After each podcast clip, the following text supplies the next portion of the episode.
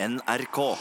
Kroppen med Trond-Viggo. En samtale om syke barn med lege Asle Hirt fra Litteraturhuset i Bergen. Dette er jo det området hvor dere som er barneleger, syns det høres veldig veldig lett ut, selvfølgelig, fordi at dere har jobbet med det mye. Men de aller fleste andre tenker at Oi, kan barna mine bli syke? Det hadde jeg ikke regnet med.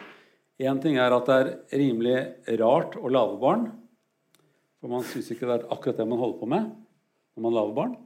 Eh, og så eh, går det ni måneder hvor damen liksom holder på å kjenne på det hele tiden. Menn går ved siden av og tenker ja, ja. Eh, og så plutselig blir det en eller annen far som ikke kanskje hadde regnet at det skulle være så avgjørende i livet. Og så får man barn og tenker at herregud, dette kan jo gå i stykker. Dette lille nøstet.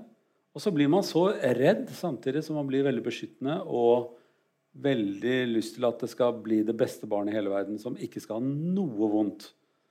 Og så begynner det å renne snørr, eller altså et eller annet puster dårlig, eller får feber. Og så tenker man det var det jeg visste. Dette her kommer til å gå helt feil. Ja. Eh, og så eh, oppsøker man jo legevakten og så tenker man å dette var sikkert dumt. Nå er det, nå er det Alle de andre har sett det her tusen ganger før, eh, og jeg er altfor for, for lite forberedt på dette her. Og jeg er sikkert en dum foreldre. Og jeg, altså Alle foreldre er jo veldig nye første gang de er foreldre.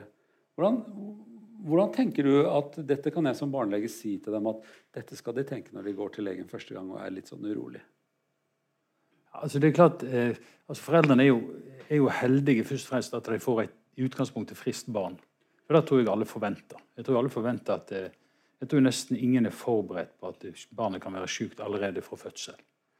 Så, så en har nå tatt en stor seier tenker jeg, når, når en kommer seg hjem fra barsel og ingen har eh, kikka på barnet. Jeg har tenkt at gitt liksom godkjent stempel i panna og tenkt at dette ser bra ut. Eh, men så kommer jo, sånn som du sier den dagen òg, at, eh, at alt det er noe som knirker. Eh, og, og, for oss eh, doktorer generelt, og barneleger selvsagt spesielt, som bare ser barn, så eh, Unger har jo en fantastisk evne til å bli friske av seg sjøl, først og fremst. Eh, og foreldrene sin hovedoppgave er i grunnen å være bekymra. Det tror jeg ikke vi kan ta ifra dem. Og bekymringen den tror jeg er blitt større med årene. Eh, foreldrene var ikke så bekymra før. Det, var, det, det, kan man eventuelt komme tilbake til. Mm. Eh, men iallfall hvis du har disse bekymra nybakte foreldrene, så, så altså jeg tror ikke, det er helt naturlig at de, at de søker råd mm. hos noen. Mm. Eh, og det er ikke den verste plassen å gå og søke råd hos legen. Eh, selv om vi ofte kunne tenke at de kanskje kunne brukt litt mer tid. Mm. Eh, og, men, men, det, igjen, det er så vanskelig når du er nybakt liksom, å, å, vite hvor mye tid kan jeg bruke på det. Eh, hvor dårlig kan unge få lov å bli? Eh, og dette her, sånn, så det, det, som, det, som, er min eh, sånn, Som jeg prøver å formidle til både doktorer som jeg skal prøve å lære om barnesykdommer, og foreldre som jeg skal prøve å på en måte utdanne litt i forhold til å ta seg av sine unger, så er det dette her å, å, å prøve å presse seg til å vurdere allmenntilstanden til ungen. Mm. Det er, vi sier allmenntilstand, allmenntilstand, allmenntilstand. Eiendomsmeglerne vil sikkert sagt beliggenhet, beliggenhet, beliggenhet. Men vi vil gjerne at foreldre lærer seg å vurdere allmenntilstanden til barn. Ja. Men jeg er ikke så veldig god til å komme tilbake til senere, for jeg stort sett glemte. Men kan vi det, kan vi ikke ta det med en gang, det der du, det du sa at uh, før i tiden var kanskje ikke folk så bekymret. Var det A fordi at de ikke hadde nok leger, de kunne ikke gå til noen leger, eller at det kosta mye eller var langt unna. Eller B de hadde så mange andre barn at én fra eller til gjør ikke noe. Eller var det at alle blir jo sjuke hele tiden likevel, så vi får bare se hvordan det går. At de kunne mer sånne Vi får se hvordan det går ting. Eller man hadde noen eldre damer i familien som kunne mye med, hadde sett mye mer av dette før, og, og liksom la den der litt beroligende votten over denne lille familien. Da tror jeg du er helt tilbake på 20-tallet. Ja, jeg var jo 100 år tilbake til det. Ja. Skikkelig langt. Nei, altså, jeg tror faktisk ikke jeg trenger å gå så voldsomt mange år tilbake heller. Sånn 15-20 år så var det faktisk veldig forskjellig, tror jeg. Og jeg tror det, det har, med, det har med, med, med samfunnet å gjøre. Altså, vi, vi, er utålmodige, og vi har en forventning tror jeg, om at at eh, eh, ting ikke skal være, i, eh, være ustemt. Mm. Eh, sånn at eh, det er en forventning om at både kroppen vår, som jo er ekstremt komplisert, skal fungere hele tida. Den skal ikke gi noe særlig lyd. og da, da, da Og vi på helsesida har på en måte òg tilbudt oss Vi tilbyr jo alt mulig slags behandling og løsninger på egentlig det meste. Så jeg tror foreldrene òg i veldig ofte grad tenker at jeg, jeg, det er sikkert noe jeg overser. Altså, jeg, jeg, må jo benytte meg av det tilbudet som finnes der ute. Og jeg er tross alt jeg er nærmeste til å være barnet sin advokat. Og de er jo som oftest veldig gode advokater for sine barn. Så. Men det, det, det har forandra seg. Jeg hørte litt med, med en kollega som, som eh, skulle, som hadde fått spørsmål, og det, ja, det er ca. 20 år siden. Han begynte som sjef i den posisjonen han nå. Og, og da hadde han eh, fått spørsmålet fra en kollega som gjerne ville starte en studie på barn som tisser på seg. Men en forutsetning for denne studien var at eh, han måtte ha henvist 25 barn i året for å kunne dra gjennom denne studien sin. Og da sier han nei, det er dessverre, altså, da, da kan ikke jeg hjelpe deg. Men nå har han eh, 25 henvisninger ca. i uka. Mm. Og det er, det er, bare 20 år, altså. Ja. På samme problemstilling. Så, og barn tisser ikke noe mer på seg nå? Nei, det er ingen, ingen, ingen indikasjoner på det. Så det, var, det er nok en, det. Det var en annen toleranse for å være litt syk og for å være litt avvikende og se an. For det er jo som jeg sier, altså, Unger har jo en fantastisk evne til å bli friske av seg sjøl. Det var det du som sa, faktisk. Ikke ja. jeg. Bare så det er sagt. Ok, ja. eh, eh, men det, det å og at barn blir friske med, av seg selv, det gjør jo veldig mange voksne også blir jo friske av seg selv. Eh, fordi de av oss hvert fall som blir sånn småsjuke, vi tar jo ikke det så ille. Eh, mens andre tar det samme symptomet så ille. Jeg sier til kroppen min dette får nesten du holde på med, for dette har ikke jeg tid til. Eh, men det er jo mange av dem som gjør det motsatte. og Sier at 'å, endelig noe jeg kan være sjuk for'. Eh, og barn har jo ikke noe lyst til å være De vet ikke hva det er. og og har lyst til å være syke. Eh, for det sa du også at barn har jo det fantastiske som voksne ikke nødvendigvis har, nemlig at de har ikke noe lyst til å være syke. En del voksne pasienter har vel og nå snakker vi om pasienter generelt, så kan man si at noen av dem har nok litt for mye lyst til å fortsette å være syke. Eh, og det genet har jo ikke unger i det hele tatt. Og noe av det vi kanskje gjør som helsefolk, er kanskje å gå litt i veien for at de skal bli friske på sin tid, da, på den tiden de trenger til å bli friske. Nå tar jeg de lette tingene, som du hører. Altså at vi går i veien for at, at barn holder på å bli, syke, bli friske. Ja, det tror jeg. Jeg tror eh, vi i helsevesenet like, ofte kan være like bekymra for at vi tar feil, eller for at vi overser noe. Mm. Så vi klarer liksom ikke være den som setter en strek og setter nok er nok. Nå leste jeg akkurat at i infeksjonssykdommer så er det jo mange som skriver ut antibiotika litt for lett. Mens i Nordland og Finnmark og Troms så var det visst sånn at de hadde fått lavere antibiotikaforbruk rett og slett fordi det var litt vanskeligere og litt lenger unna å komme til legen. Så da driver jo vi og egentlig gjør det litt vanskeligere å bli frisk da, hvis vi skriver ut antibiotika som vi ikke trengte. Så det å være lege kan jo være en måte å forlenge sykdom på. på en måte. Nå er det ikke sikkert at å få antibiotika gjør at du blir lengre. Nei, nå, Jeg var litt slem med meg selv, merker jeg. Men, ja, men, så, men så, vi, vi, trekker, vi, trekker, Men det ikke du kan godt hende du hadde vært like frisk uten. Ja. Eh, eller vent litt. Grann, hvis, for da kan du få en infeksjon som du ikke behøvde ha den etterpå. Altså, det, det at vi bruker for mye antibiotika, er jo ikke bra for oss. Absolutt ikke. Sånn at Det bringer meg til neste punkt, at veldig mye av de sykdommene barn får, er jo nettopp infeksjoner fordi at de har ikke hatt akkurat den infeksjonen tidligere. De er ikke kommet til den smørbrødlisten av infeksjoner som man får gjennom livet. Eh, og at det å bare vente litt og se hvordan det går, har jo hjulpet veldig mange mm. med at barn blir friske etter hvert. Når det er sagt, så er det jo sånn at barn blir jo alvorlig syke av infeksjoner også. Så, og hvordan merker dere det? Hvordan tar dere og skiller mellom de som har en sykdom som en infeksjon som de blir syke av. Skal vi ta liksom jeg, jeg spoler litt tilbake i hodet mitt nå, for det tror jeg hjelper oss. Skal vi ta de minste først? De minste barna først? Vi setter strek. Nå tar vi først de som ikke har levd et halvt år ennå. Så gjør vi det litt lettere for oss faglig. Ja. Eh, det å få infeksjoner i så tidlig del av livet, når er det farlig? Mm. Nei, for, det, for det, det, det, er nemlig kjempelurt å, å se på alderen. For det, for det er jo som du sier at, eh, at, barn har mye infeksjoner. Og det er helt naturlig for å bygge opp et godt immunforsvar i, senere i livet. Men, men, men, vi har et helt spesielt eh, altså De minste barna de er selvsagt mer utsatte, og de er vanskeligere å tolke. Eh, fordi de er små, og de, ikke, de peker ikke, og de sier ikke noe. Så, så spesielt barn under tre måneder med høy feber det er alltid et dårlig tegn. Ja. Eh, og da har vi alltid lav terskel for å ta ungene inn hvis det blir meldt til oss. Eh, nesten uansett så ønsker vi å se de ungene. Eh, for de er vanskelig å vurdere sånn allment òg. Foreldrene syns det er vanskelig, og fastlegen syns det er vanskelig, og legevaktlegen syns det er vanskelig, og vi kan synes det er vanskelig. Når vi får det inn på sykehus, så har vi alle muligheter til å observere barnet, se det noen timer eller et døgn. Og veldig mye klinger av. Vi har muligheten til å ikke behandle og vente og se. Så, så, så, det er ingen fastlege, ingen legevaktsleger som blir kjefta på oss hvis de legger inn et barn under tre måneder med høy feber. Mm. Og Når du sier høy feber, så er det hva som helst? på en måte? Nei, altså høy feber er iallfall over 38,5. Ja. Jeg kaller ikke det egentlig noe særlig feber før det passerer 38,5. Så, så de ungene med, der, der syns vi det er rett at, at foreldrene blir fort bekymra.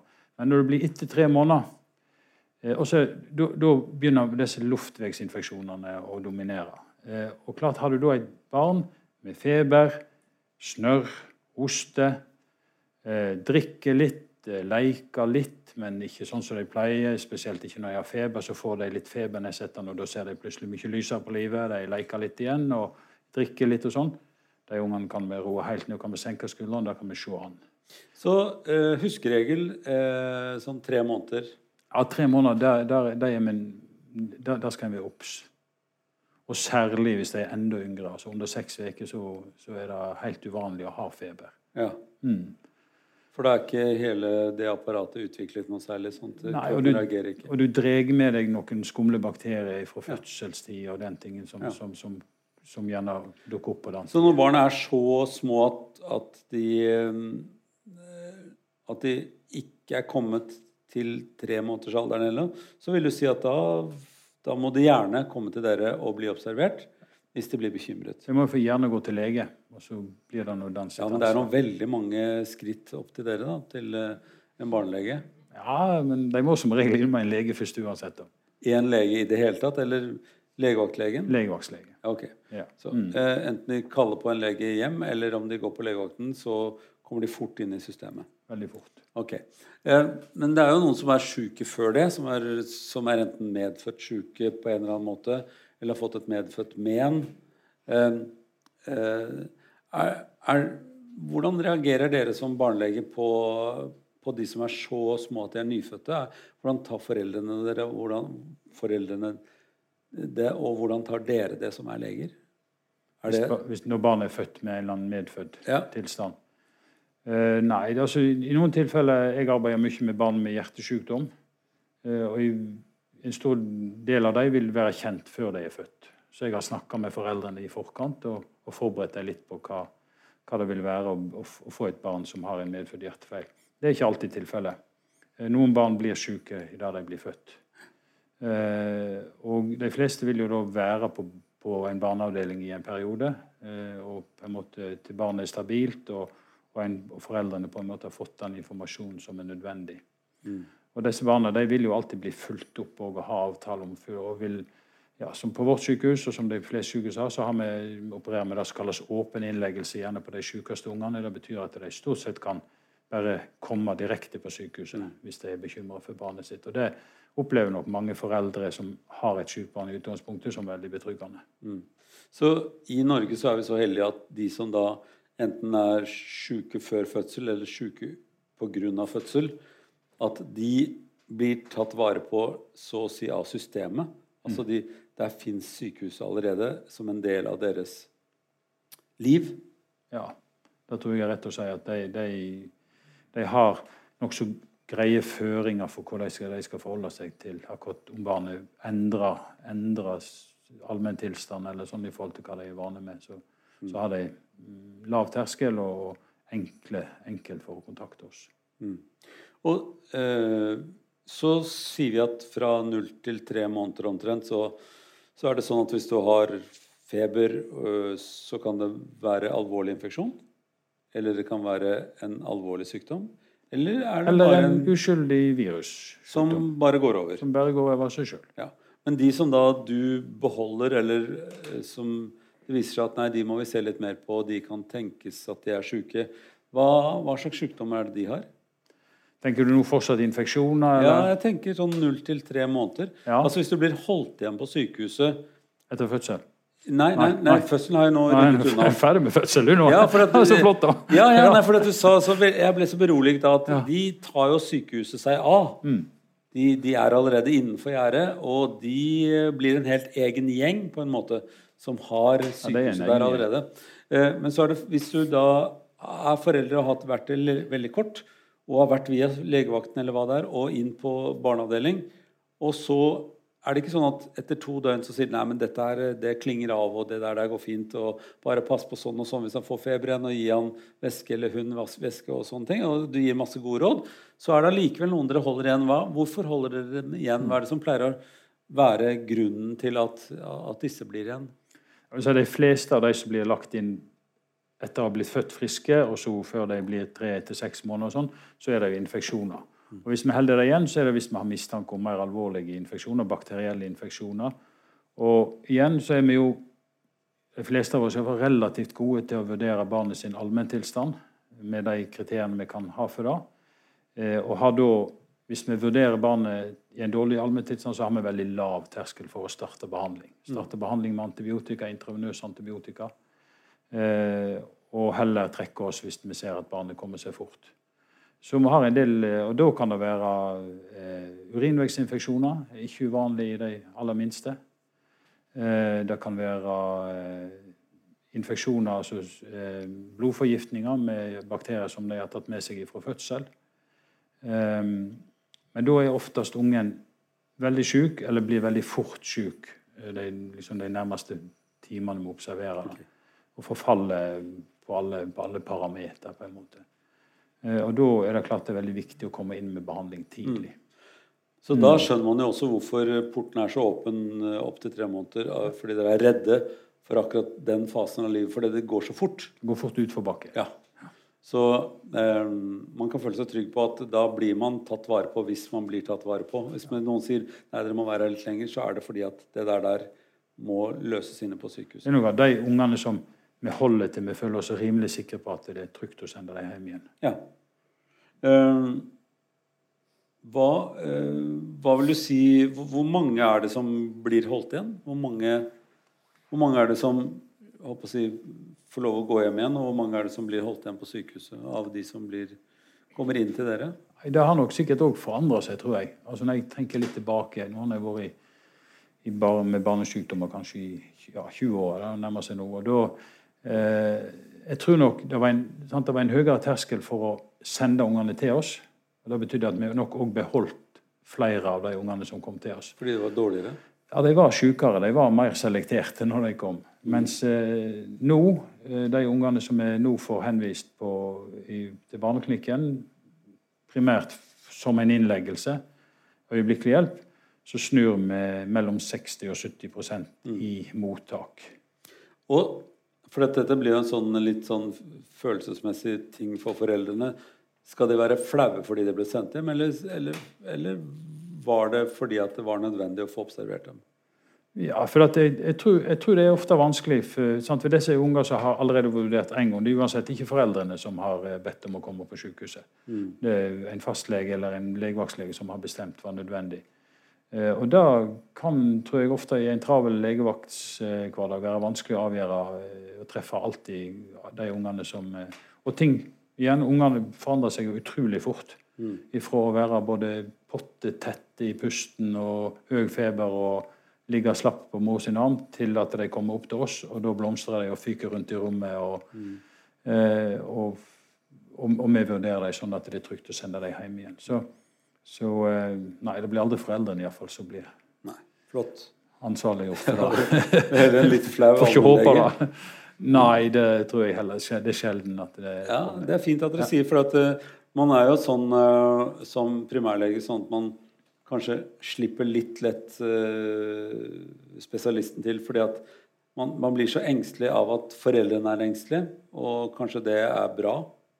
Ja. Kanskje, kanskje, dere heller kan ta det problemet med de engstelige foreldrene? Ja, jeg tenker også at jeg skjønner veldig godt at det av og til kan være vanskelig å vurdere ungene. Mm. Eh, og da er vi bedre trent til det. Og da tror jeg legevakten og fastlegene òg bare tenker at det, det er greit. Mm. Og foreldrene syns det er greit. Mm. Det er sjelden vi sender hjem unger eh, der foreldrene er veldig misfornøyd med at de ikke får bli lagt inn. De fleste er jo lettere for at ungen ikke er så sjuk at han trenger å være innlagt i sykehus. Mm. Hvor mange av de som blir innlagt i sykehus, er så alvorlige, langtidssyke, at dere tenker at det eh, dette her er en lengre type jobb, også med hvor foreldrene må være til stede. Altså har, har alvorligere sykdommer. Altså Nå tenker jeg ikke de infeksjonene, mm. men de alvorligere sykdommene. Er, kommer de så tidlig som i, som i spedbarn-babyalderen? Eh, ja, men det er klart det er noen, eh, noen sånne medfødte sykdommer som ikke oppdages akkurat ved fødsel. Eh, men ikke mange. Så på en måte disse kroniske sykdommene eh, som er medfødte, de, blir, de, fleste av dem blir oppdaget ved fødsel. Sammen med noen som kommer etter hvert, selvsagt. Eh, det kan være sånn type nevrologiske sykdommer, epilepsi. Den type ting kan for så vidt debutere ved en hvilken som helst alder. Eh, kreft er jo veldig sjelden i første lever. Mm. Eh, og så har det litt avhengig av type kreftform, så, så dukker det opp med forskjellige sånne alderstopper utover i, i, oppveksten. Men det er jo som, som generelt uhyre sjelden, selvsagt òg. Eh, vi har mage-tarm-sykdommer som gjerne ikke nødvendigvis er oppdaget akkurat ved fødsel, som kommer noe seinere, eh, og kan for så vidt òg bli oppdaget i første lever. Eh, og de, eh, de, kan av og til bli fanget opp i sånn øyeblikkelig hjelp-sammenheng, eh, men kanskje mer fordi det har gitt symptom over en tid og blir henvist eh, for så vidt kanskje først bare som en sånn poliklinisk time. Mm. Så det kan være litt ulikt. Eh, hvis vi da har lagt bak oss liksom fødselen og de første månedene, eh, og så begynner barnet å, å, nærme seg litt sånn krabbe- og gå-alder og sånt nå, og øh, kanskje kan meddele litt mer hva det er som hva det er som skjer med kroppen deres. Hva, hva, hva, vil du si er de vanligste sykdommene når man kommer Er det begynner å bli sånn diabetes og, og astma og allergiting og sånt noe på dette tidspunktet? Ja, når de bikker sånn året i alle fall, mm. så begynner de tilstandene å iallfall dominere når det gjelder sånn eh, ikke-hastesaker henvist. Mm. Eh, diabetes er nå fortsatt en sjelden sykdom også hos barn, men eh, allergi Eh, alle typer pust- og pes-problemstillinger. Vondt i magen. Veldig vanlig. Mm. Og det kommer ifra ettårsalder særlig. Vi har, selvsagt, Dette med magen er jo mange foreldre som bekymrer seg også for i første leveår. Det er mye rart der òg. Ja. som, ungen kan ha. Sa han med det lille smilet sitt. Ja. ja det, Hva betyr det? Nei, altså det, det, det Eh, altså, Foreldre bekymrer seg veldig for, for, for Men du latterliggjør ikke foreldre nå? Nei, det er absolutt ikke. Eh, igjen, altså Foreldrene er det liksom de nærmeste til å, å ha en formening om det barnet de har, har det bra eller ikke. Mm. Det, det, det, det, prøver vi hele tida å ha veldig respekt for. Og Den informasjonen vi får foreldrene, den, den, den, vil vi aldri klare å få fra noen andre. Det er ingen som kjenner deg så godt. Så men, men, det er klart at ofte så tar bekymringene litt sånn overhånd. Eh, hos et barn som legger fint på seg, vokser godt, eh, men som knirker mye om natta. Knirker? Ja, litt urolig om natta. Våkner om natta Og... Knirke, hva betyr det? for noe? Det er, det er jo ikke noe sånn ledd Nei, det ledd ikke, nei, det kan være gråt. Ja. Ja, altså, Klynking er det noen av oss som kaller det. ja, nei, det er med at de våkner opp. Altså hyppig oppvåkning. Og, ja. Er dette knirking? ja, dette er litt knirking. Ja, det kan være litt knirking. Ja, så er det, de, Ja. Man lager lyd av at uh, de sover ikke de, Ja, Sover rolig. Ja. Ja, Sover kort. Våkner igjen og griner. Um, og da, da, da kommer fort tankene over på at det må være noe de ikke tåler. Mm. Og det kommer tidlig. Og, og, og av og til er det jo sånn at det, det hjelper å bytte på et eller annet. Men kan det være eh, Nå bare foreslår jeg også. Kan det være at, eh, at det ikke er at de ikke tåler, men at de ikke har vent seg helt til noe mat? Kan det være det? At det er noen Ja. matvarer som de kanskje har fått for mye av for tidlig? Eller kanskje burde hatt litt innføring i? Eller altså At det ikke alltid er at, at de ikke tåler. Mm. Eh, Det, det er litt vanskelig med disse i første leveår Ja. eh, å si akkurat hva men nå er vi over det første leveåret. Ja, vi er vi liksom ferdig med dem. ja, jeg har lagt dem litt. Nå er vi Ja. over de, de som knirker litt. Grann. Ja, men, og de er allerede blitt et år, liksom.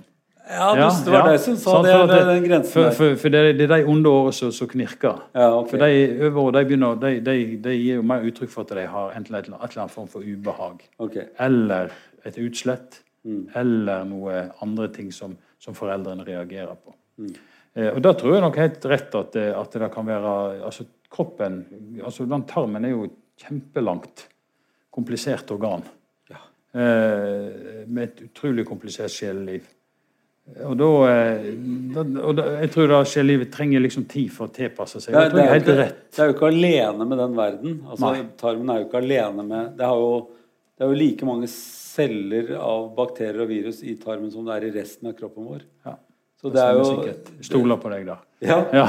Ja dette er jeg undersøkt. ja. Eh, eh, og det betyr at det er, et, det er fryktelig mye å forholde seg til for tarmen. Så jeg tenker så stakkars tarmen, gi den noe litt grann fred av og til, eller gi den litt sånn tilvenning, eller gi den litt tid da, til å, å bli kjent med disse folka som bor der. Ja. For det er jo fryktelig mye nytt. Ja, det er det.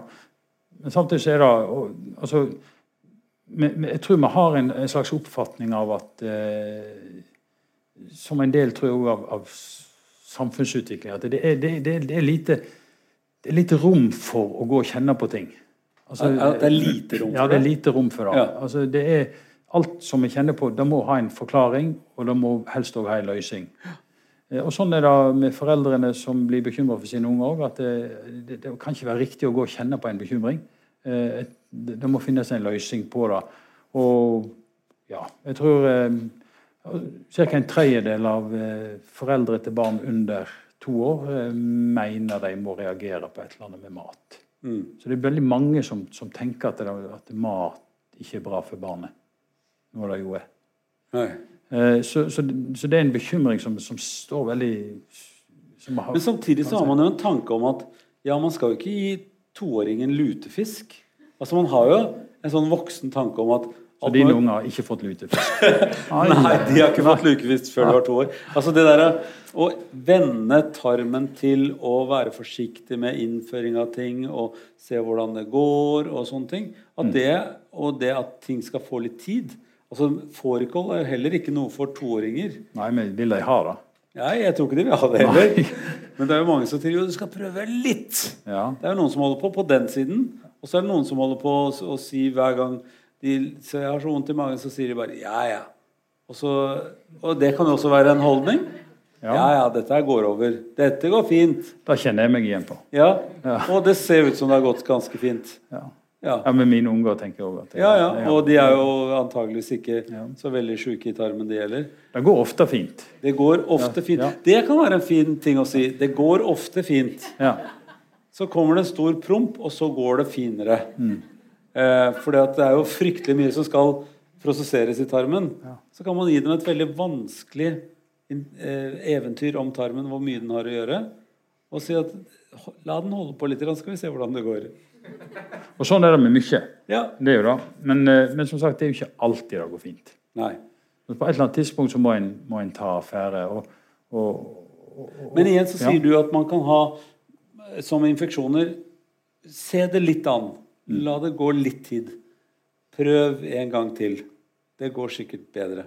Eller prøv all, å se allmenntilstander. Ja. Sånn, det er særlig på infeksjoner. Men på, på mat og, og, og spørsmål om vondt i magen og sånne ting, så, så er det lov Hvis ungen ellers er i fin form og vokser og er aktiv og ikke bærer preg av å ha veldig sånn funksjonsnedsettelse av, av disse symptomene som av og til melder seg, om det er et lite utslett eller det, det er en vondt her og der, så, så kan en med veldig god samvittighet som forelder bare se det an. Og det vil ofte gå seg til. Og Det er jo det er et eller annet med at ungen også skal lære dette. her, sant? At, det, at, en, at en, det er lov å kjenne på litt grann ting. Det, det, det er ikke farlig. Eh, og det går over. Og da, Det er en eller annen god erfaring foreldre, ungen skal ta med seg òg. Ja. Så vi skal være litt mer tålmodige med å, å innføre barnet i livet også. Altså at det skal få lov å bli kjent med så vanskelig verden er. Ja, det tror jeg Nå sa jeg det litt filosofisk. Ja, veldig. Ja. Men det er en måte å, måte å tenke på Mm. barndommen på det òg, da. At, at du, skal, du er på vei inn, inn i noe. Det er mange erfaringer jeg skal gjøre på, Ja. på alle, alle plan. Ja. Hva vil du si at er de vanligste sykdommene når vi, hvis vi ser denne alderen hvor de er begynt å krabbe og gå, og fram til de er begynt i barnehagen? Hva er det som er For barnehagen er jo et, et, et helvete av infeksjoner. Ja. Men vi, hvis vi holder liksom disse førbarnehagebarna for seg selv i en gruppe de har lært så krabbe og gå, og så hva er det de blir dårlige av? Hva er hva er det de nå, det er litt sånn vondt i magen-aktige ting, som du sa? Vi har, vi har jo, altså det er jo en stor gruppe av barn som blir henvist i den aldersgruppa der. Veldig mange. Altså etter, etter, Når de begynner på skolen, så er det faller antall henvisninger veldig. Så det er veldig mange som blir henvist i den ett til fem-seks års alder. Og det, det som dominerer, er jo eh, luftveisrelaterte ting. det, eh, altså, nå var du litt rask. og Jeg, Ja, nå- jeg trakk jo grensen før barnehage. Altså før de møter de store gruppene av andre snørrunger. Altså Ja. før, de, før de treffer den delen av verden. Når de er noenlunde hjemme og med, med, med mor og far eller andre omsorgspersoner Så du er litt tilbake på et halvt år, du? nå da. Nei, nå er jeg mer på det. Begynt å krabbe og gå. og- Men da er det jo begynt i barnehagen. Er det det? Ja, ja det. Ti måneder, da, så er du i barnehagen nå. I tolv okay. måneder. Ja. Så vi må ha med Så det går litt sånn over i hverandre. Det går rett over i hverandre. Bikkjer og, og, og lote tepper går over i, i Barnehagesnørr. barnehagesnørr. Og, Ja. Så her er det dette er 'Velkommen til infeksjonenes landskap'. På mange måter. Ja, ok. Ja. Og da blir de henvist for hva da? Nei, Da blir det henvist for eh, pusterelaterte ting. Mye av det. Altså kan det være astma. Eh, de hoster veldig mye. Eller de blir eh, veldig langvarig forkjøla. De går alltid og snørrer.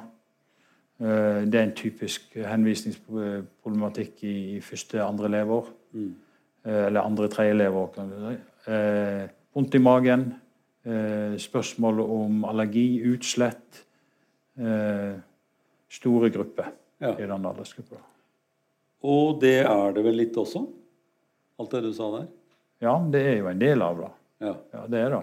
Men det er vanskelig, spesielt, eh, spesielt den problematikken omkring astma og, og om de har Det, det, det begrenser hvor mye en kan teste ungene på den tida av, av sånn lungefunksjonstesting. Så det går veldig mye på å få høre hva symptom de har.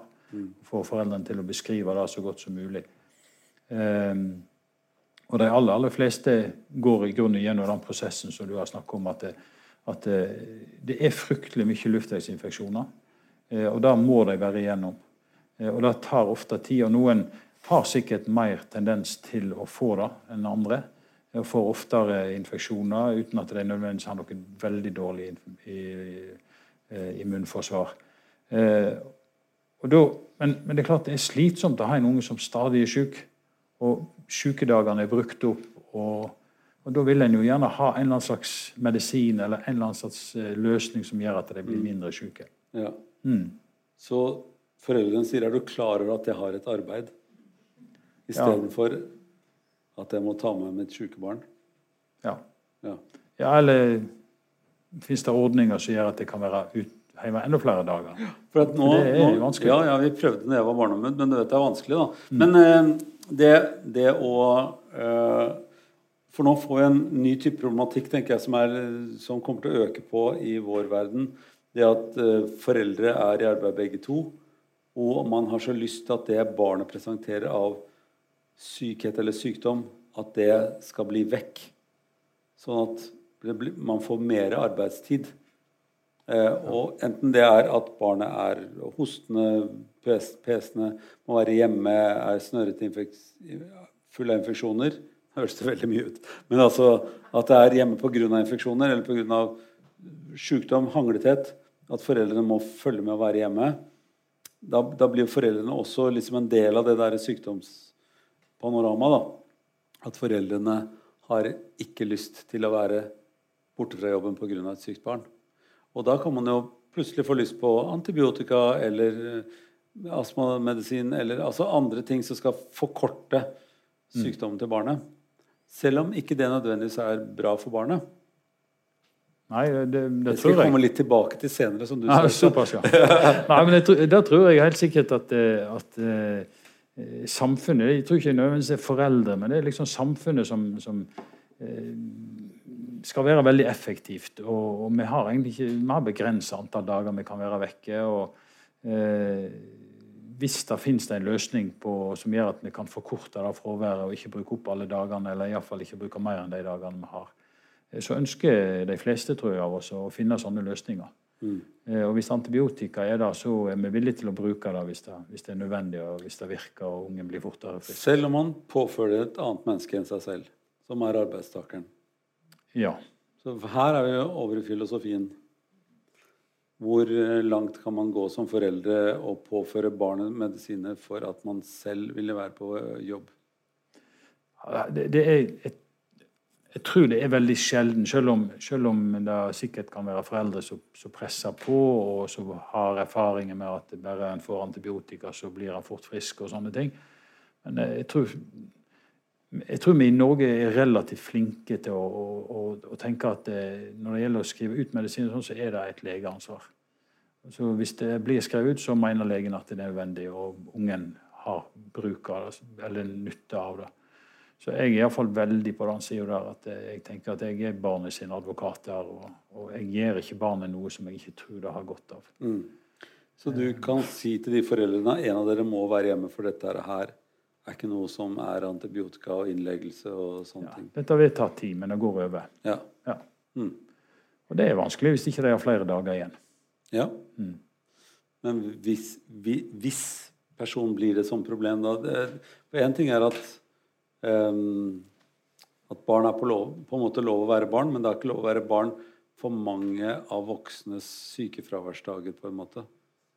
Og det blir jo også et litt sånn vanskelig ting. da, Hvor mye skal barnet påta seg at ja, jeg er dessverre litt dårlig nå, så du, noen må være hjemme med meg. Ja.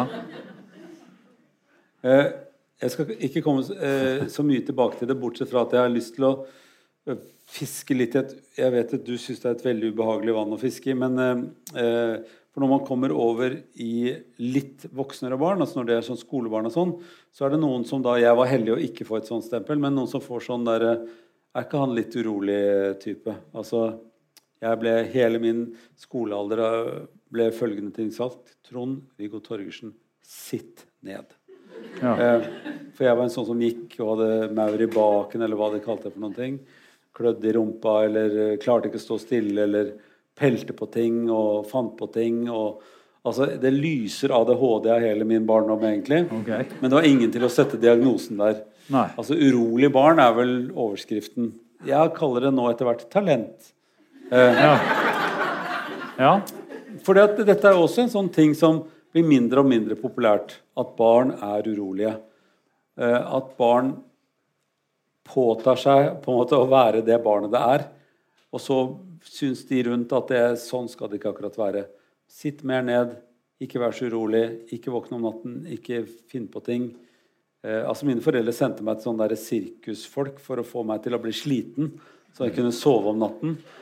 Så de fikk sove om natten. Eh, men eh, eh ADHD er jo et sånt sted hvor man har puttet alle urolige barn oppi. Og noen av dem trenger kanskje medisiner, og noen av dem trenger kanskje ikke at de blir problemet. Um, dere har sikkert noen av de der oppe. Jeg vet at det der, ingen har lyst til å snakke om seg. Alle bare oh, oh, oh, Jeg håper at dette ikke ble et problem. Eh, men jeg syns allikevel, for barnas skyld, at vi skal si noe om at hvem er det som skal bære det problemet at uh, et barn er urolig? Nei, Det gjør man ikke noe godt, uh, godt å vite. Men, men med, det er klart at det, dette er jo noe som i all hovedsak barne- og ungdomspsykiatrien tar seg av. Og, vi møter disse ungene selvsagt òg, fordi de kan ha sine somatiske plager. og, og de ja, altså Jeg møter dem ofte fordi eh, ADHD-medisin er lite forenlig med hjertesykdom. Og mange av mine hjertebarn eh, vil òg havne i den gruppa som, som, blir definerte som, som hyperaktive. Og, eh, og, det er problematisk eh, når de skal på, på en eller annen ADHD-medisin. Eh, så det, det, er veldig Noen av disse ungene har jo òg fryktelig vanskelige liv. Eh, og fungerer fryktelig godt på de medisinene som de blir satt på. Det er liksom to, to, forskjellige liv. Men, men samtidig så ser vi jo òg at noen unger ikke nødvendigvis forandrer noe særlig atferd. Og kanskje kunne hatt bedre av et annet type tilbud, som du fikk. Mm. Ja. Sirkusfolk. Eh, ja. Men det er, det er mulig at vårt samfunn ikke er så, ikke er så romslig når det gjelder å, å og Ungene har jo òg fått mer aktiviteter som på en måte demper dem veldig. altså det er jo Ja, de har TV på rommet, noen. og altså Hvis jeg hadde hatt TV på rommet, så kunne jeg sett på ja, kunne jeg ikke sett det kunne jeg På Lassi? Lassi? Nei, jeg tror jeg hadde måtte, faktisk måtte sett fjernsynsteater på, på finsk fjernsynsteater. Det er ikke spennende, altså. Nei, så da jo, vi, sprang vi ut og sykla, eller klatret til, sånn som du gjorde. Så, så, så hele samfunnet er jo litt som det er, ikke, det er ikke mye rom for å være sånn overaktiv heller. Og, og, da, eh, og det er jo synd hvis vi medisinerer det bort. Mm. Det da. Så, så, jeg håper vi tenker oss nøye om når vi gjør det. Og virkelig evaluere hva vi har gjort etterpå. Ja. Det var fint at du sa alt det der. Ja. Ja, tusen takk.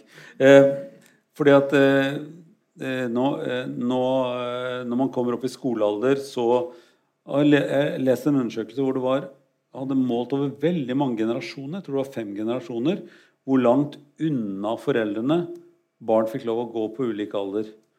Og dette var i England i, fra 1840-50-årene og fram til i dag. At de hadde målt liksom det hvor langt med forskjellige ting. Da. Det var bl.a. en gutt som hadde fortalt at han pleide å få lov å gå til det fiskevannet som han likte veldig godt. Det lå da to mil unna der han bodde. Og fiske der og ligge over og komme hjem etter hvert. Eh, du hører at det er ikke en sånn eh, åtte-ni-tiårings hverdag nå lenger. Eh, for den, den, den, der avstanden har altså skrumpet og skrumpet og skrumpet hver generasjon. Og nå er det vel sånn 200-400 meter omtrent du får lov å gå hvis du er syv år, fra hjemmet ditt. Mm. Helt alene, uten å si fra hvor du er. Og veldig mange har mobiltelefoner, og veldig mange kjører til, til alle mulige aktiviteter. Og altså barn får veldig liten grad være for seg selv og utforske verden. Da. Eh, det gjør jo også at eh, kanskje foreldrene er litt for nære en del barn da, når de kommer opp i sånn skolealder. At det er litt for engstelig for eh, alt som har med symptomer å gjøre, at det antageligvis er en eller annen sykdom, istedenfor at det er en måte å bli større på. Tror du noe på det? Nei, jeg vet ikke. Eh, Altså, det er jo litt farligere å gå eh, to mil nå enn det var sikkert for en del år siden. Er det det? For det er så mange biler på veien? Det er så fryktelig mye biler. Og, ja. og sånn.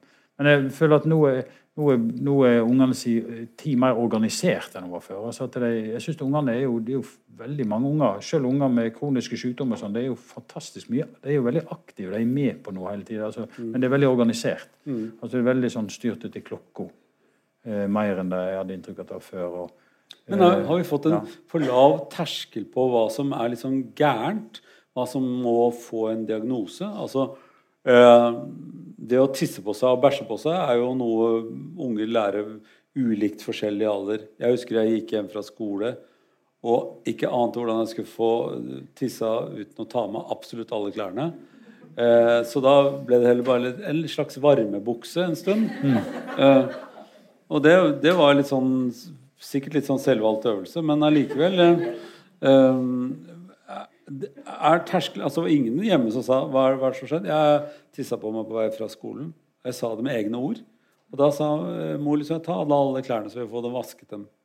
Ikke noe mer snakk om det. Det var ikke noe sånn Og nå må vi gå til en lege og få sjekket om du tisser på deg. Nei. Eh, er det ter lavere terskel for en del sånne ting nå? Ja, det tror jeg. Eh, foreldre har lavere terskel, og samfunnet har lavere terskel for det òg. Så, så, så, det er liksom ikke akseptert. Eh, det er veldig lite avvik som blir akseptert på sånne ting. Så da, da, da går en fortere og ber om hjelp også. Mm. Selv om det har en veldig god prognose og kan gå over av seg sjøl, så, så, så, søker en fort hjelp for mye. Eh, så ja. Allergier er jo tror jeg det som i stor grad iallfall dominerer ja, Som har veldig mange av oss eh, våre henvisninger går på. der, eh, det er klart, der er det, det er utrolig vanskelig terreng å bevege, bevege seg i. Eh, Kanskje vi finner en eller annen form for mild eller iallfall en sannsynlig allergi hos mindre enn 10% av de som er henvist. Eh, det finnes en bråte av undersøkelser og, og, prøver en kan ta. En må, og, men problemet med alle prøver en tar, at jo flere en tar, jo større er sjansen for å finne et eller annet som ikke er helt normalt. Mens vi vet at prøvene, spesielt på allergi, Kanskje 50-70% av dem viser et utslag, men det er ikke reelt. Mm. Eh, og da er det den som tolker dem, som liksom skal ta det videre. Og veldig fort ender med det i et uføre at vi pålegger ungen et eller annet som er helt unødvendig, men som i stor grad påvirker livet til den ungen. Enten at de blir satt på en eller annen jeg skal ikke kalle det astronautkost, men iallfall eh, noe som ikke er enkelt å forholde seg til når du skal i selskap, eller hva det måtte være. Eh, og de drar det med seg oppover og drar med seg litt av angsten for å Så, så dette her eh, ja, hvis, ikke, hvis ikke symptomene er veldig tydelige og, og, og veldig funksjonsnedsettende, og sånne ting, så, så, er det liksom masse gode grunner for å se ting an og, og tenke at ting går seg til. altså. Igjen, Det er ikke bare fordi at du har sånn Vossa-dialekt og det litt, virker litt sånn beroligende fra landet, men du, du du, det er sånn at uh, reelt sett så er det, det veldig mange sykdommer som har symptomer som blir mildere med tiden når du er barn. Altså blir mindre og mindre symptomer etter hvert. Uh, mm. Særlig innenfor uh, sånn allergiske ting. Ja, Vondt i magen og allergier, luftvegsrelaterte ting. Mm. Veldig god prognose. Og de som ikke har god prognose, de klarer dere å fange opp? Altså de, de, som er alvorlige, og de som kommer til å bli langvarige, da mener du at det, det har dere rimelig peil på hva det er som vil, vil trenge god medisinering tidlig? Ja, stort sett er det jo sånn at de, de tilstandene som, som, virkelig blir behandlingskrevende, og som krever oppfølging, så, så, er det noe som, som varer ved over tid. Eh, det, svinger lite. Eh, det gir vedvarende funksjonsnedsetting. Mm. Eh, det gir utslag på vekst, det gir utslag på vekt. Eh, sånne ting er sånn, litt sånn røde flagg ja. Eh, som, som, gjør at vidt, de, de, de, fleste ungene vil bli opp, fanga opp. Mm. Mm. Og da går det altså også an at Nå kan vi vel ta med diabetes også som sånn, ja. en sykdom som blir veldig greit fulgt opp, og hvor, hvor pasienten selv blir, får veldig mye makt over, over den sykdommen etter hvert. og får, Den fins veldig god prognose for å leve med det over lang, lang tid. Ja, det, altså, diabetes er jo en tilstand som på en måte ikke blir oversett. For, det, for da blir symptomene så alvorlige til slutt.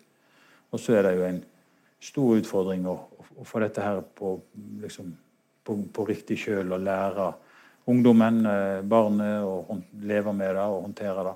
Mm. Mm. Nå forlater vi litt sånn skolealder. Eh, og, og jeg har lyst til å bare få si du sa så fint når vi pratet sammen forrige uke, at eh, Går det an å si når er barn friskest? Hvilken, hvilken, alder er det friskest? Og da sa du sånn mellom 7 og 14 år, da er, er, de, da er de minst ja, Det er litt sånn honeymoon. Ja. Mm. ja så det, det, er egentlig en fabelaktig uh, fri alder uh, når det gjelder sykdom. Ja, det, er ikke, det er ikke sykdomsfritt. Selvsagt, Vi har, vi har barn i den alderen, men, men, langt færre enn en før. Og, og, så begynner det jo på en måte å komme over i litt sånn voksne rekker og få de tilstandene som en ser da. Men, mm. men 7-14 det er ofte en veldig god alder. Også for de som har kroniske sykdommer. Mine barn med medfødte hjertefeil og sånne ting har ofte en veldig god periode opp mot puberteten. Og akkurat i puberteten så vokser en så voldsomt. ja, da kommer det, det liksom, helvete der, altså. Liksom som, ja, det er liksom ingenting som henger med i svingene lenger. Mens det har gjort det hele tida opp til da. Ja. Eh, det er ikke det at det ikke oppstår alvorlige tilstander, men, men det, det, er mye sjeldnere. og de, de, de, har ofte en god periode da. Vi kan ikke snakke om barn uten å snakke litt om puberteten også. for det, Jeg tror jeg har sagt i et show en gang at da burde det egentlig stått stengt pga. ombygging på hele ja. kroppen. Det er, jo, det er jo en revolusjon som skjer med oss i den alderen når man går over i pubertet og altså skal bli kjønnsmoden. Eh, det er et fryktelig vanskelig sted for kroppen å være. Og veldig vanskelig sted for hjernen å være også sammen med kroppen. De ja, Sjelden på samme plass. Egentlig. Ja, nei, de, jo, de, oppdager jo at de har fått de mest idiotiske foreldrene i hele verden. Og alt det der som er veldig brysomt å forholde seg til, både for foreldre og barn. Eh, men eh, kan vi si noen ting om denne denne alderen som er litt sånn godt og medfølende for disse da, som har kommet nå i puberteten. Hva skal man gjøre som foreldre? Én ting er hva man skal gjøre som pubertet, pubertal, men, en, men, hva skal foreldrene gjøre? Hvordan skal de, hvordan skal de være foreldre til disse barna? Ja. Dette, altså, ungdomsmedisin det, det, det, er veldig på agendaen for tida. Og, og, ehm, og det har jeg brent for egentlig mange år. Vi starta vår første ungdomspoliklinikk i 2005 og drevet den hele tida siden. Um, og for, det, for, dette er utfordrende for oss helsearbeidere òg. Altså, det er gjort undersøkelser på da, at det, eh, omtrent halvparten av amerikanske leger er redde for, for tenåringene. Uh, og det er klart at det da når vi setter opp en sånn poliklinikk, så, så, velger ikke vi den doktoren som er mest redd ungdommene. For det funker dårlig. Mm. Eh, og, men, men det, er jo, det, er jo, det er en fantastisk gruppe å ha med å gjøre. Eh, og når vi skulle planlegge den, så tenkte vi at ok, det går ikke an å se bare på ungdommen. Selvsagt. Vi må se at de har med seg noen foreldre på slep. Eh, og dette er unge, ungdommer da, som har hatt sannsynligvis en sykdom mange år. Det er stort sett de som går til oss når de er blitt ungdommer. Alle de andre er friske. Eh, så da, da tenkte vi jo da at eh, vi må ikke glemme foreldrene. For de har, de har virkelig hatt eh, tak om dette her i iallfall i tolv år. Har de hatt liksom bukta begge endene. og full kontroll. og den kontrollen må vi som helsearbeidere passe på at vi ikke tar fra dem altfor fort. Men samtidig så har vi som helsearbeidere, og da prøver vi da å, å, å formidle til foreldrene at det, kontrollen må de slippe tak på. Eh, så da prøver vi å signalisere veldig tidlig når vi kaller inn disse ungene, så, eh, eller ungdommene. Så får de et brev der det ikke lenger står 'barnet ditt har nå fått time', men nå står det at eh, 'du har fått time'. Så da er brevet stila til ungdommen. Og da syns foreldrene ofte er helt greit. Det, er liksom det første steget. Og så står det gjerne i brevet at nå skal du gå til denne poliklinikken, og da på et eller annet tidspunkt så kan det kanskje være kjekt å komme inn alene, eller du kan ha med deg en venn. Eh, og kanskje ikke mor og far trenger å være med. Ikke når de er 12, men kanskje når de er 16 eller 17. Eh, og Da åpner vi veldig opp for at de kan komme og snakke med sykepleier eller lege uten at foreldrene er med. Og Det er vanskelig for foreldrene, spesielt i starten. Så vi har ofte en sånn her hvis foreldrene eller for ungdommen har valgt å gjøre det på den måten, så har vi et sånn opplegg med at de vi tilbyr da at eh, kanskje vi skal høre om mor og far har lyst til å komme inn nå, og så tar vi en liten oppsummering. Aldri opplevd at ungdommen har sagt at nei, nei, nei, nei, dette er min. Det har alltid vært greit. Og på et eller annet tidspunkt så kommer de helt alene. Og det er jo litt sånn, En tid så jobber jeg både med ungdommer og voksne med medfødte hjertefeil. Og, det, og da syns jeg alltid det var litt trasig når den 26-åringen fortsatt med sin mor si. Mm. Eh, og jeg spør eh, ja, hva var det egentlig, hva slags operasjon har du egentlig vært gjennom? Uh, spør mor mi. Mm. Og det er ikke bra, vet du. Så, og det, det, er vårt ansvar som, som helsearbeidere å flytte det ansvaret fra foreldrene og over på, på ungdommen. Eh, og da, Noen ganger går det veldig fort og veldig kjapt, og i løpet av de, når de er 16, så er de fullstendig selvgående. Og somme ganger trenger de mye lengre tid. og Det er òg eh, helt greit. Og her er det også sånn at de som er kronisk syke på en eller annen måte, eh, altså diabetikere og sånt, nå kommer jo også i en ny fase hvor, hvor de vil være, ha sitt eget liv. da, og, og, kanskje ikke vil gjøre akkurat sånn som foreldre eller legen sier. Eh, og har lyst til å prøve ut hva hvis jeg tar alkohol eller står på hodet eller prøver å fly. Eh, og at det kan være en ganske vanskelig fase både for dem selv og for foreldrene. At, at de har lyst til å miste kontrollen, og foreldrene mister den. Og kanskje til og med helsearbeideren mister kontrollen. Um, uh, og at sånn er livet. Ja, sånn er livet. Ja. Og jeg prøver hele tida å, å, si til ungdommene at altså, jo mer på en måte det er viktig at jeg, at jeg, føler at de har god innsikt i sykdommen sin, sånn at de på en måte kan ta noen noenlunde sånn kvalifiserte valg. Og så har de som sagt den der eh, hjernen i puberteten som ligger litt utenpå av og til. og da, da men samtidig så i det store og hele så er det jo veldig ansvarsfulle altså er lite Klart du møter ungdommer som Åh, mm. Nei, ikke spesielt interessert i det du snakker om. Mm. Men de får med seg mye likevel. Eh, og, og, da er det viktig for meg å, å si til dem at eh, vel, dette er mine anbefalinger, men du gjør jo akkurat som du vil. Du kan legge så mye risiko i potten som du måtte ønske. Det, det kan ikke jeg gjøre noe for. Det er noen ting som er fornuftig, og noen ting som er ufornuftig. Sånn er det for alle. Eh, og Foreldrene syns det kan høres skummelt ut, men samtidig så prøver vi å si til at det, det, det, er så skummelt som det er. Mm. Så um, ja. De som går inn i puberteten, hva, hva, hva syns du er eh, det vanskeligste sykdomspanoramaet i, i, den perioden? Hva er, det, hva er, det, de sliter mest med? De som begynner på puberteten, hva er det de sliter mest med i den perioden som kommer?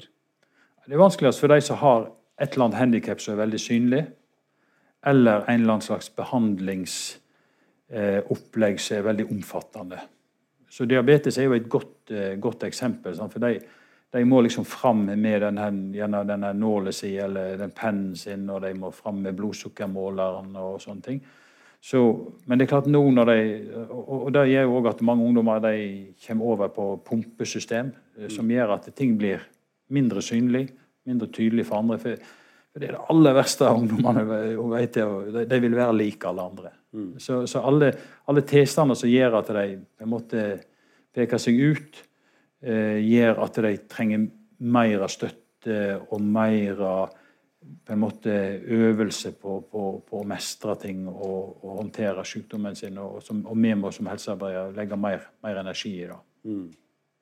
Har det å være perfekt eller være så nær perfekt som mulig eh, en kultur som er kommet eh, ødelagt en del for, for ungdomstiden?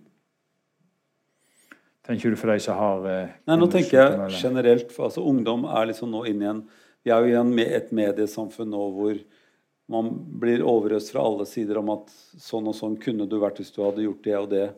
Altså her er en perfekt uh, verden som du må streve etter å være en del av. Merker dere det, dere som driver med ungdom som er syke? Ja, det tror jeg. Altså, jeg jeg må sikkert spørre ungdommen, men jeg syns det virker utrolig vanskelig å være ungdom. Altså mm. Utrolig krevende. Ufattelig mange idealer en skal, skal oppfylle. Og, og de idealene er sannsynligvis enda vanskeligere å fylle, å fylle når du er, har en eller annen kronisk sykdom eh, hengende med deg hele tida. Mm. Så jeg tror ikke det har gjort det noe lettere for deg, nei. Er, er eh, ungdom og depresjon en ting som har økt hos dere, har dere merket det, eller? Eller føler du at dere jobber så mye med, med somatisk, altså med kroppslig sykdom, at dere ikke får den delen av, av, av hjernens liv?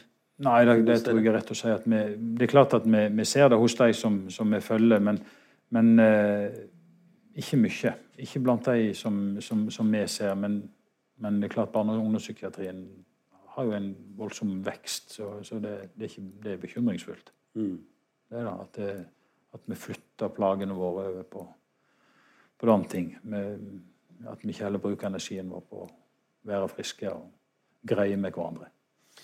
Hvis du skulle gi et råd til um, ungdom uh, som er på vei inn, inn i voksenheten, hva ville du, hva vil du sagt at det er viktigst av dem å, å, å ta vare på fra, fra barndommen? Å, det var vanskelig spørsmål. Oi. Ja, det, var, vanskelig. Ja, men du jobber med det hver dag. Jeg bare tenker på det av og til. Ja, ja så, så, det er sant. Nei, altså det, det, det, det, er så utrolig avhengig av hva slags ballast de har fått med seg. For det, altså, Disse ungdommene som, som, har klart å fått med seg den, der, den, den tryggheten på seg sjøl. Som ikke liksom må vimse alle mulige veier for å tilfredsstille alle mulige de, Vi ser jo at de har det mye bedre med seg sjøl. Sånn at hvis vi klarer å få noen foreldre altså Jo flere foreldre som klarer å få ungene sine dit, at de tror på seg sjøl og, og, og, føler seg rimelig trygge på der de er eh, det, det, det, det, er de foreldrene vi må ha tak i. Mm. Jeg tror foreldrene er viktige premissleverandører for å få glade og liksom, lykkelige ungdommer òg, altså. Mm. Det var en veldig fin slutt. og Det, det var en liten, eh, en liten, filosofisk snakk til alle oss som allerede er foreldre og har barn som er blitt foreldre, og om en stund får barnebarn som blir foreldre.